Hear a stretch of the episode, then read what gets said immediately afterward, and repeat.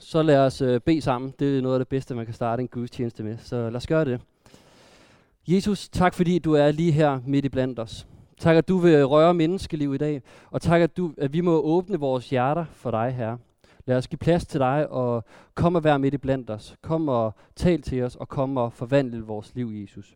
Det har vi tiltro til, at du kan gøre. Amen. Ja, lige om lidt vil også komme en, en powerpoint op. Øhm, men noget jeg vil sige, det er, at Gud han ønsker at have fællesskab med os. Og øh, det fantastiske er, at han opsøger os, og han længes efter, at vi skal lære Gud at kende. Han længes efter, at vi skal få et livsforvandlende møde med Jesus. Og øhm, det kan godt være, at der allerede nu er nogle af jer, der tænker, det lyder vældig fint. Altså hvis vi havde levet for 200 år siden. Men altså, er vi ikke kommet lidt videre? Altså kristendommen, er det ikke lidt outdated på nogle måder? Og hvordan kan noget, der, har sket for, noget, der er sket for 2000 år siden, have nogen som helst betydning for mig i dag?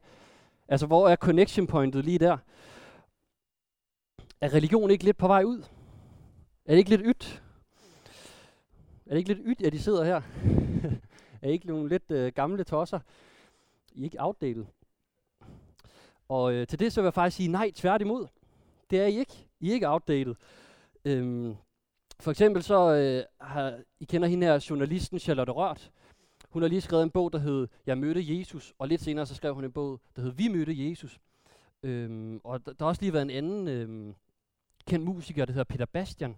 Han har skrevet sådan en ny bog, der hedder Altid allerede elsket. Og de er blevet bestseller i Danmark, begge, alle de her tre bøger. Og de handler alle sammen om at få et livsforvandlende møde med Jesus.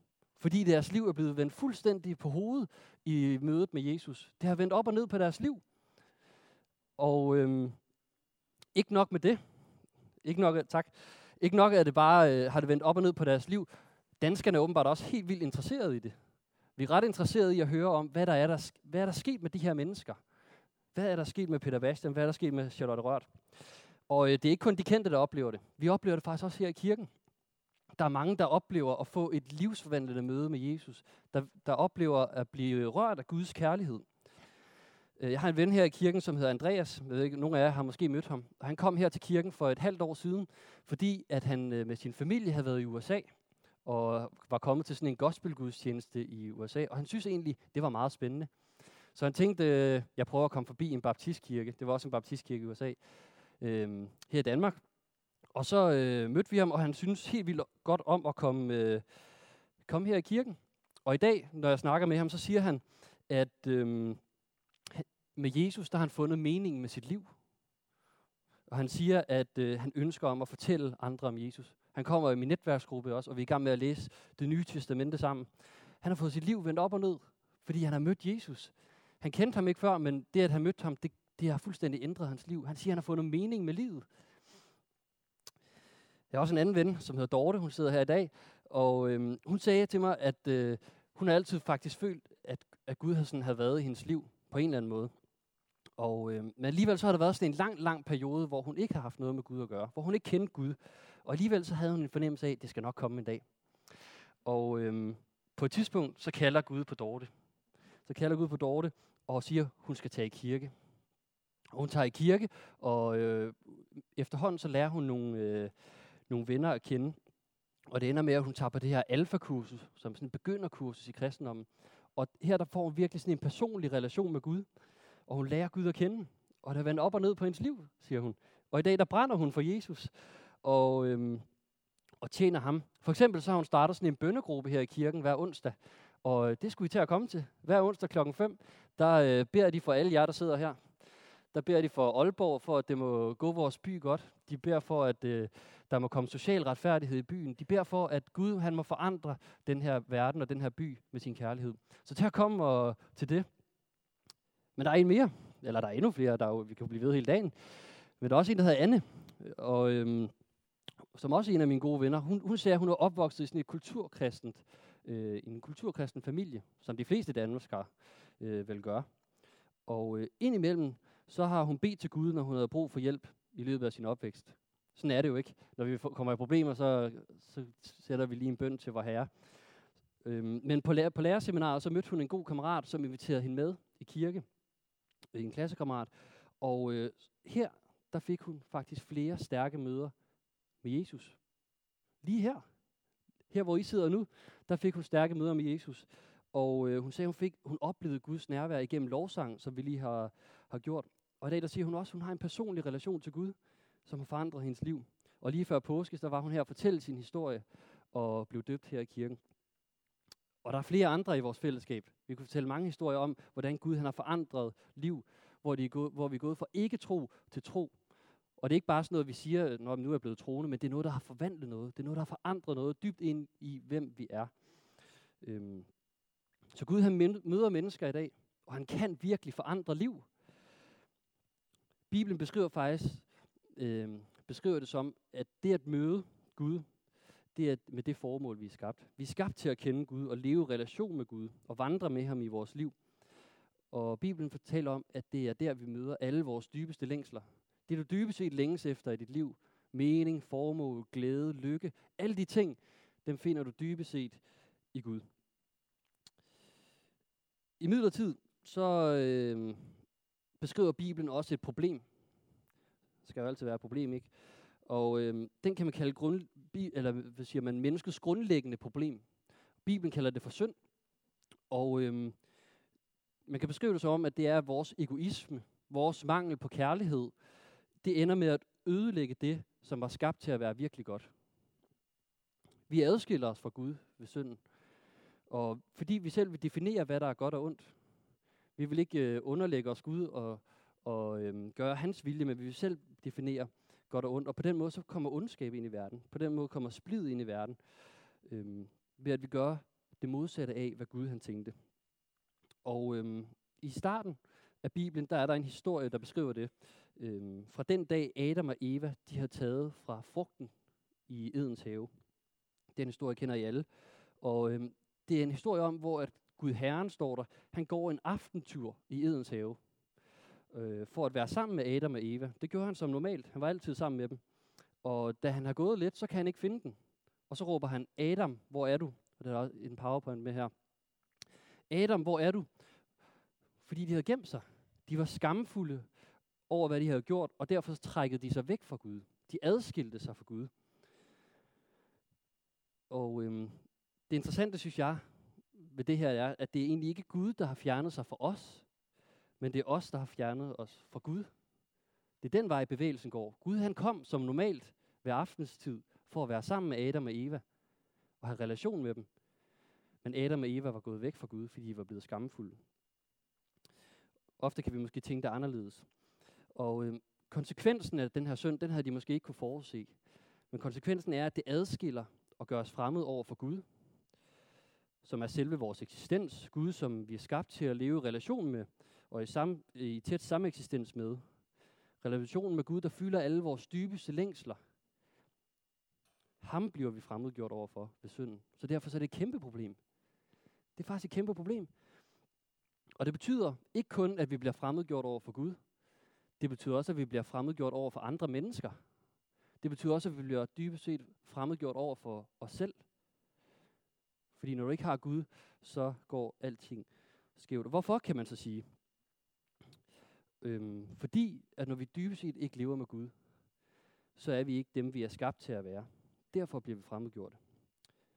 Vores nationalfilosof Kirkegaard, Søren Kierkegaard, han siger i en af sine bøger, der hedder Sygdommen til døden, at øh, målet med at blive, øh, at målet er at blive sin fremmedgjorthed, sin frygt, sin angst, sin depression, håbløshed, alle de her ting, at blive sin fremmedgjorthed bevidst, at du ved, at den er der, at du bliver vidst over, at den er der, og så sætte den i forhold til Gud.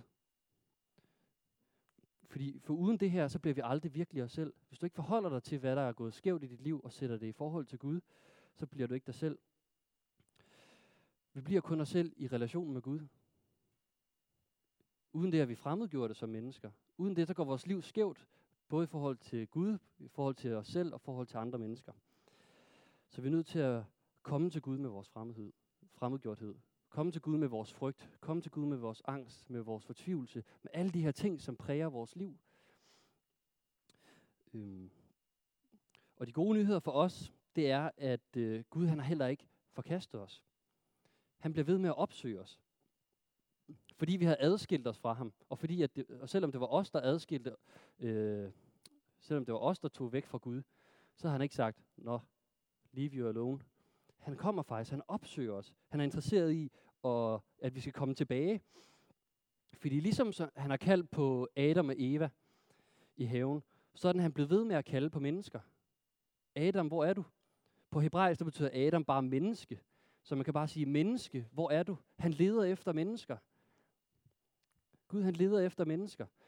Vi har hørt Manfreds historie, hvordan han har let efter Manfred og vendt op og ned på hans liv. Dorte, Anne, Andreas. Gud, han er i gang med at opsøge mennesker og forandre deres liv. Og øhm, Bibelens store historie, den handler om, at Gud han vil genoprette det, der er gået i stykker. Alt det, der er ødelagt, det vil Gud gøre nyt. Alt det, som er gået i stykker. Menneskets relation til Gud, relationer imellem og til sig selv, hele skabningen vil han gøre nyt. Og øhm, de gode nyheder, det som vi kalder evangeliet i kirken, er historien om Jesus. Og det kan man sige, Jesus han er klimakset på Guds kald til mennesker. Det er genetableringen af relationen med Gud. Fordi at øh, Gud selv blev med Jesus menneske, for at vi ikke skulle gætte eller filosofere os frem til, hvem Gud han er. Nej, vi kan kende ham. Han blev som en af os, for at vi kan møde Gud, for at vi kan kende ham. Og det betyder, at hvis vi vil have genoprettet vores relation med Gud, hvis vi vil øh, blive vores fortvivlelse bevidst, hvis vi kommer af med vores angst og frygt og alle de ting, vi bøvler med, så bliver vi nødt til at vide, hvem Gud er. Og hvordan kender vi Gud? Ved at kende Jesus. Ham, som blev som en af os. Deri, der kan vi kende Gud. Og det heldige for os, det er faktisk svineheldigt, det er, at Bibelen er propfyldt med historier om Jesus. Og derfor så skal vi øh, læse en tekst fra Lukas evangeliet 19, øh, vers 1-10. Og øh, den kommer også op på PowerPointen her. Og Jesus kom ind i Jericho og gik igennem byen. Der var en mand, som hed Zacchaeus. Han var overtoller, og han var rig. Han ville gerne se, hvem Jesus var, men kunne ikke for skaren, da han var lille af vækst. Så han løb i forvejen og klatrede op i et morbær træ for at få ham at se, for han måtte den vej forbi. Da Jesus kom til stedet, så han op og sagde, Zacchaeus, skynd dig at komme ned. I dag der skal jeg være gæst i dit hus. Så skyndte han sig ned og tog glad imod ham. Men alle, som så det, gav ondt af sig og sagde, han er gået ind som gæst hos en syndig mand. Men Zacchaeus stod frem og sagde til Herren, Se herre, halvdelen af, hvad jeg ejer, giver jeg til de fattige. Og hvis jeg har presset penge af nogen, giver jeg det fire dobbelt tilbage. Og der sagde Jesus om ham, I dag er der kommet frelse til dette hus, fordi også han er en Abrahams søn. For menneskesønnen er, menneskesønnen er kommet for at opsøge og frelse det fortabte. Zacchaeus han er en af de personer i Bibelen, som møder Jesus og får vendt sit liv fuldstændig på hovedet. Fuldstændig på hovedet i mødet med Jesus. Og jeg synes, det er sjovt her i, øh, i vers 3 her, der står der, at han ville gerne se, hvem Jesus var. Og øh, det betyder øh, på nogen måde, at han er i samme situation som alle os. Vi er i hvert fald gået ind i en kirke, som, og vi har en øh, forventning om, at det kommer til at handle om Jesus osv. Så, så vi er lidt i samme situation som Zacchaeus. Vi vil gerne se, hvem Jesus er. Du behøver ikke engang at kravle op i et morbær fintræ. Jeg tror heller ikke, vi har et. Eller du behøver ikke engang at sidde på forreste række. Men vi kan komme til Gud. Øhm, men hvorfor vil han gerne se, hvem Jesus er? Hvorfor, vil, hvorfor er Zacchaeus egentlig interesseret i, hvem den her mand er? Jesus. Fordi at rygtet sagde om ham, at han var den ventede Messias. At han kunne helbrede de syge. Og at han kunne tilgive sønder. At han talte med myndighed og at han viste kærlighed til alle mennesker, uanset hvem de var. At han bragte Guds rige på jord. Derfor så var Zacchaeus interesseret i, hvem han var. Derfor er du måske interesseret i at høre, hvem Jesus er. Fordi det er det rygte siger om ham. Men hvem var han ellers? Hvem var han ellers, kunne man sige, Zacchaeus? Det første, man kan lægge mærke til, det er, at øh, der står, at han var overtoller, og der står, at han var rig. Det er de informationer, øh, vi får at vide om ham. Og øh, på det her tidspunkt i Israel, eller på det her tidspunkt var Israel øhm, og mange andre områder under det romerske imperium. Og øhm, det betød, at, at jøderne skulle betale skat til romerne. Øh, det var ikke så populært, det kan jeg nok forestille jer. Og endnu mindre populært var det, at en jøde, som var Zacchaeus, stod for at indsamle skatten øh, fra jøderne til romerne i byen Jericho. Og ikke nok med det, han levede af at indkræve mere af den kontrakt, end han havde med romerne. Det er ikke et populært job. Det, jeg tænker, det er lidt ligesom at være parkeringsvagt eller noget i den stil. Det er virkelig sådan en... Øh, det, er en det er ikke en fed chance. Øhm, og så så Zacchaeus, han har virkelig været en bad guy i øh, jødernes øjne. Og derfor så undrer jøderne sig også over, at Zacchaeus han overhovedet går ind, eller at Jesus han overhovedet går ind til Zacchaeus. Fordi for religiøse jøder, så er måltidet utrolig vigtigt. Altså, religiøse jøder, de må slet ikke spise med sådan nogle typer som Zacchaeus. Han er jo en sønder. De må det slet ikke. Øh, så hvorfor den, hvordan kan Jesus få sig selv til at gå ind hos sådan en mand? Han ved da, at han er en bad guy. At han er parkering. Ej, så bad han heller ikke. Og vi, og vi ved selvfølgelig ikke, hvad, hvad de har snakket om under det her øh, måltid. Øhm, men det vi i hvert fald kan se, det er, at Zacchaeus liv, det bliver vendt fuldstændig på hovedet. 180 grader. Han stiller sig op under festen, eller under det her festmåltid, og siger til Jesus, Se her, halvdelen af, hvad jeg ejer, giver jeg til det fattige, og hvis jeg har presset nogen, giver jeg det fire dobbelt tilbage. Det siger han. Så hvad er der sket med den her mand?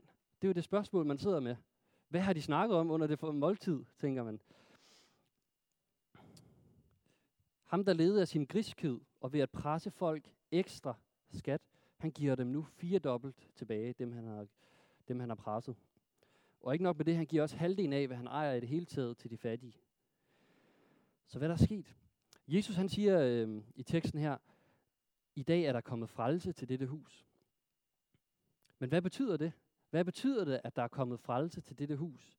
Hvilken frelse er kommet, og hvad er der sket med Zacchaeus? Jeg tror simpelthen, at, at Zacchaeus han har mødt Guds kærlighed.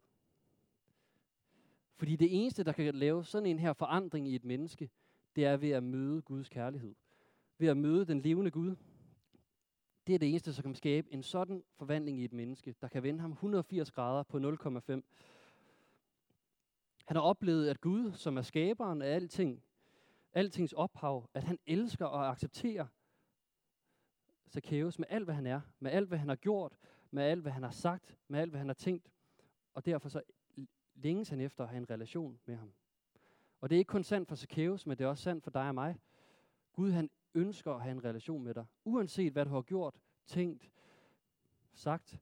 Han ønsker at have en relation med dig, fordi han har en dyb, dyb kærlighed til dig. Og øhm, det interessante er, at det ikke blot blev et vendepunkt for Zacchaeus i hans relation med Gud, men det vender sig direkte ud til hans, at gøre en forskel i hans relation med andre mennesker. Fordi øhm, øh, Zacchaeus øh, relation blev ikke kun genoprettet med Gud, men den blev også genoprettet med de mennesker, som før havde ham på grund af hans griskhed, som, som øh, foragtede ham, fordi han var, på en måde var sådan en landsforræder. Med dem, der blev hans relation genoprettet, i det han giver dem fire dobbelt tilbage og siger undskyld. Han forsoner sig med dem. Han giver alt, hvad, halvdelen af, hvad han ejer til de fattige. Han forsoner sig. Fordi det er det, Guds rige gør, når det kommer ned i os. Så, så forvender det op og ned på vores liv. Mødet med Jesus vender rundt på vores liv, og det er livsforvandlende at møde Jesus. Det vender op og ned på vores værdier, og det genopretter vores forhold til Gud, men det, kan, det genopretter også vores forhold til andre mennesker og også til os selv, faktisk. Alle tre. Og derfor så siger øh, Jesus også til sidst, som er nøgleverset i den her tekst, men måske også i hele øh, Lukas evangeliet som helhed, så siger Jesus, menneskesønnen, det siger han om sig selv, menneskesønnen er kommet for at opsøge og frelse det fortabte. Menneskesønnen er kommet for at opsøge og frelse det fortabte. Fordi lige siden begyndelsen, så har Gud været interesseret i at have en relation med os. Det så vi jo i starten, ikke? Første Mosebog, Adam, hvor er du? Menneske, hvor er du? Hvis vi er blevet væk fra Gud, så kommer Gud og søger efter os. Hvis det ene får er blevet væk ud af de 99, så kommer Gud til det ene. Han længes efter at have relation med os. Menneske, hvor er du? Han siger, Kasper, hvor er du, hvis jeg er blevet væk fra ham?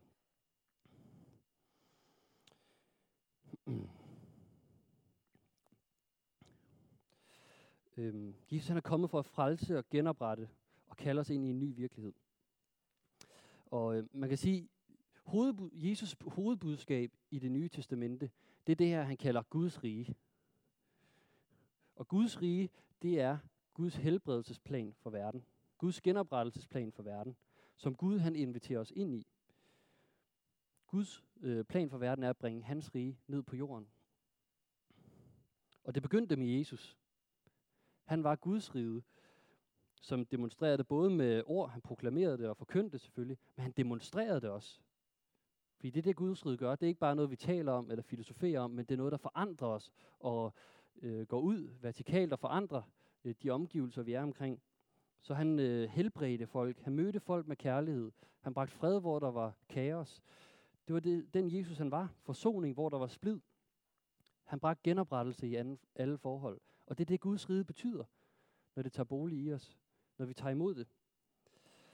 Og øhm, den plan, altså Guds rige planen, den inviterer han Zacchaeus ind i. Og den inviterer han også dig og mig ind i.